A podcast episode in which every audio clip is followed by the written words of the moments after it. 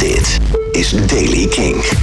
Nieuws over Glastonbury, de MTV Video Music Awards en Bleachers. Dit is de Daily King van dinsdag 27 augustus. Een heel rustig nieuwsdagje vandaag, maar er zijn wel een paar dingen te melden.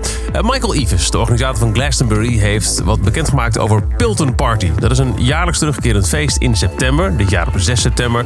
Dat wordt gehouden op het terrein van Glastonbury als een soort van dankjewel voor uh, alle mensen die uh, vlakbij wonen in de buurt en ook mensen die hebben gewerkt op het festival. Dit jaar speelt er sowieso Wolf Alice. Maar, uh, zegt uh, Yves, er komt ook een heel grote band. Speciaal voor Pilton Party dit jaar weer bij elkaar. Grote band met heel veel hit records. And I can't wait to see them. Can't wait, hij is een Brit. Wie het is? Nou ja, binnenkort volgt de bekendmaking. Dan op 6 september de Pilton Party van Glastonbury. Afgelopen nacht zijn de MTV Video Music Awards uitgereikt. That's still a thing. Uh, Taylor Swift won de award voor video van het jaar. Voor You Need to Calm Down. Ariana Grande was artiest van het jaar. Uh, een paar namen die je ook van Kink kent. Billie Eilish werd uitgeroepen tot de beste nieuwkomer. En Panic at the Disco won voor High Hopes de award voor beste rockvideo. Jack Antonoff heeft High from the Studio getweet vanuit het account van Bleachers, zijn band waar hij uh, nou ja, een paar leuke dingen mee heeft gedaan.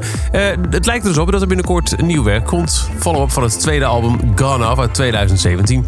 Uh, Antonoff is bij het grote publiek vooral bekend als lid van de band Fun. Maar produceerde de laatste tijd ook bijvoorbeeld albums voor St. Vincent en het nieuwe vrijdag te verschijnen album van Lana Del Rey.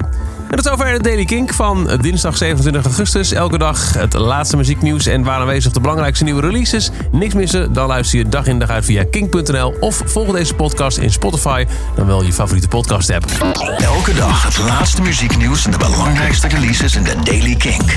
Check hem op kink.nl of vraag om Daily Kink aan je smart speaker.